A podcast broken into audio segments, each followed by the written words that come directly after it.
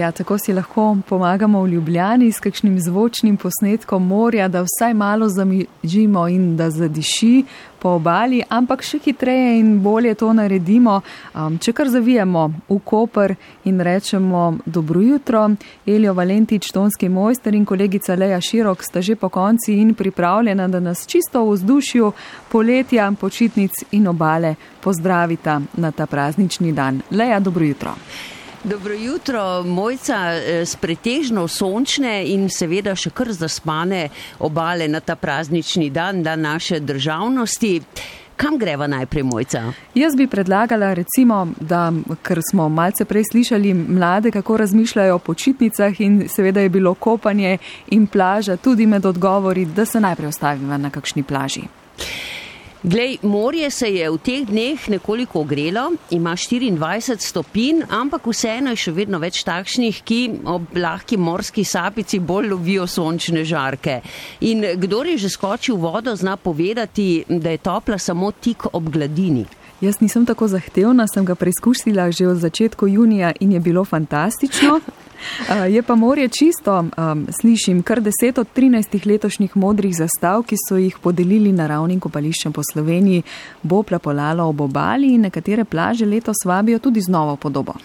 Ja, res je. E, in od letos imamo na dveh slovenskih plažah tudi tako imenovane kabane. To so vse veš ležalniki, ki imajo tudi baldahin. E, tako da se za zaveso lahko skriješ pred soncem, no in tudi pred pogledi, seveda. Na prenovljeni in zelo ozelenjeni plaži Terem Krka v Strunjanu jih je par, nekaj, 18 jih je na centralni plaži v Portorožu.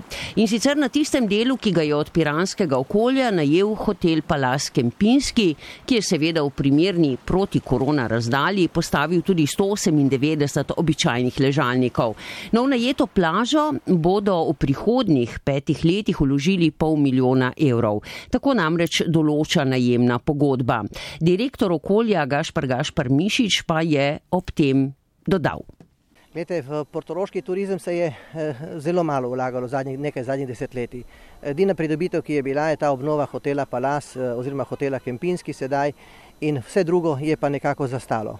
Uh, morje imamo, vendar smo se ga premalo zavedali in premalo smo v bistvu dali poudarek na trženju uh, morja in sonca, kot je to bilo nekoč. Kot sem že dejal, zaspali smo na lovorikah starega Portoroža. Portorož je nekoč bil turistična destinacija, vendar potem iz leta, iz leta v leto vse manj in manj.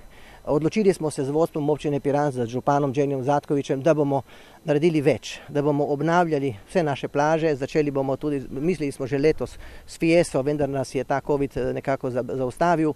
Bo pa to v bistvu pridobitev sezone 2021. Prav tako smo zaprosili za vodno pravico pri plaži eh, nekdanjega hotela Punta v Piranu in hotela Piran, kjer bomo tudi dobili to vodno pravico in za sezono 2021 bo pridobitev kar nekaj tega.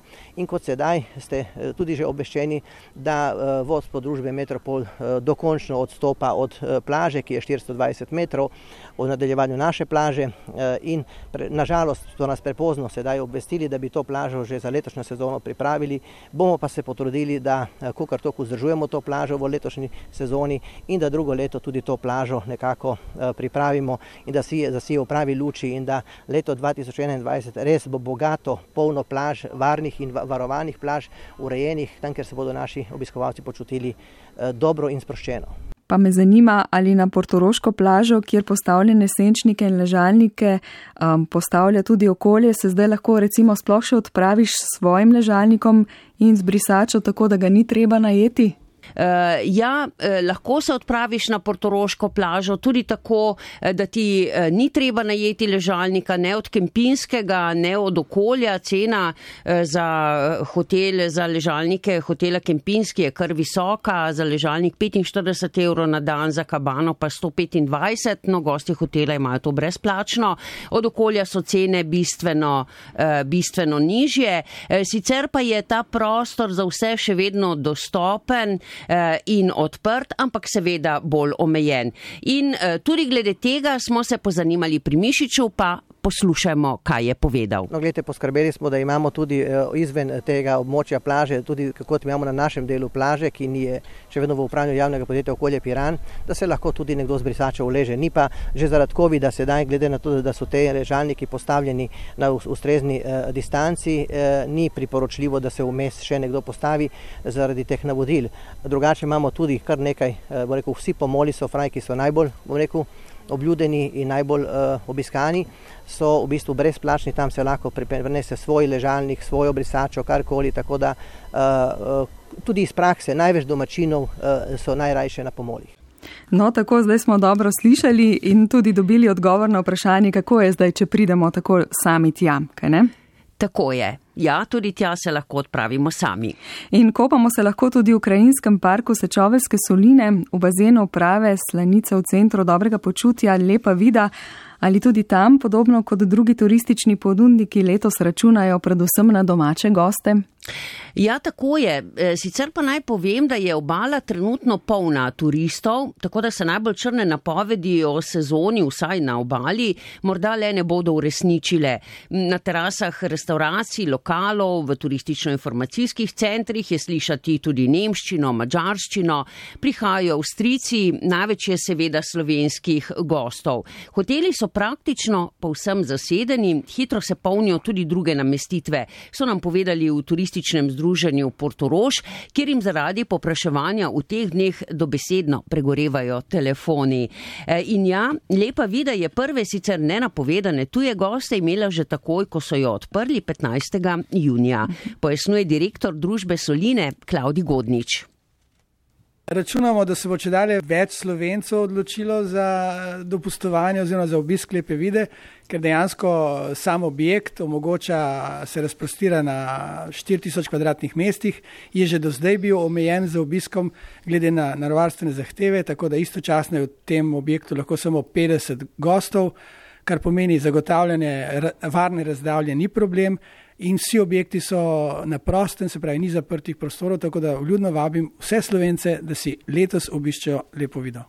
Torej, tu, tukaj bo nekaj soli, no, solinami in soljo pa je pravzaprav povezan tudi Tartini, njegov oče je bil javni pisar za odkup soli in veliko bi lahko govorili o tej zgodovini. Letošnji bogat program ob 250-letnici smrti violinista in skladatelja Giuseppeja Tartinija v Piranu in drugih obaljnih mestih, ki so ga združili pod znamko Tartini 250, je nekoliko oklestila, seveda na žalost pandemija. Prvi koncert so tako le dočakali v torek. Prvi dogodek naj bi bil sicer že 26. februarja, pa ga ni bilo. Kako je Tartini zvenel leja v izvedbi orkestra slovenske vojske? Ja, odlično lahko rečemo, ampak zato je poskrbela mlada skladateljica Ana Zlobko. Orkestr slovenske vojske je namreč izvedel njeno delo, variacije na Tartinjevo temo iz znamenitega vražjega trilčka, v katerem je posebej poudarila mistično vzdušje. No, poleg tega, da so se poklonili piranskemu glasbeniku, so koncert posvetili današnjemu dnevu državnosti. Slavnostni govornik in pokrovitelj dogodka je bil predsednik Borut Pahor, ki je svoj govor govor namenil predvsem vračanju narodnega doma v Trstu slovenski manjšini. Skladateljica Zlobko pa je po koncertu povedala to. Res sem zadovoljna z izvedbo in solistoma, hvaležna za trud eh, tudi dirigenta Aljoša Teferija in orkestra celotnega. No. No, tako lepo in uh, še naprej uspešno ustvarjanje. Slišali pa smo tudi, da se je na slovensko obalo spet vrnila legendarna kraljica morja in še ostajava v Piranu, ki se je po znanih podatkih kot prva trabakola leta 1992 iz Izole odpravila na pot čez Atlantik in tudi uspešno priplula na drugo stran. Uh, res poklon in spoštovanje, ampak v Piranu si jo lahko gledamo le v pomanjšani obliki, a ne? Ja, ja. E, njena dvometrska replika izdelana res do zadnjega in najmanjšega detajla, tudi za bojček za vino je gor, pa e, torbica z orodjem. E, ta, e, to repliko si lahko gledamo v Pomorskem muzeju v Piranu. Obkrožena je z razstavo fotografij von, von po lesu v morskem vetru, ki so jih prispevali udeleženci regat tradicionalnih plovil oziroma starih bark, na katerih je bila tudi večkrat na zmagovalka.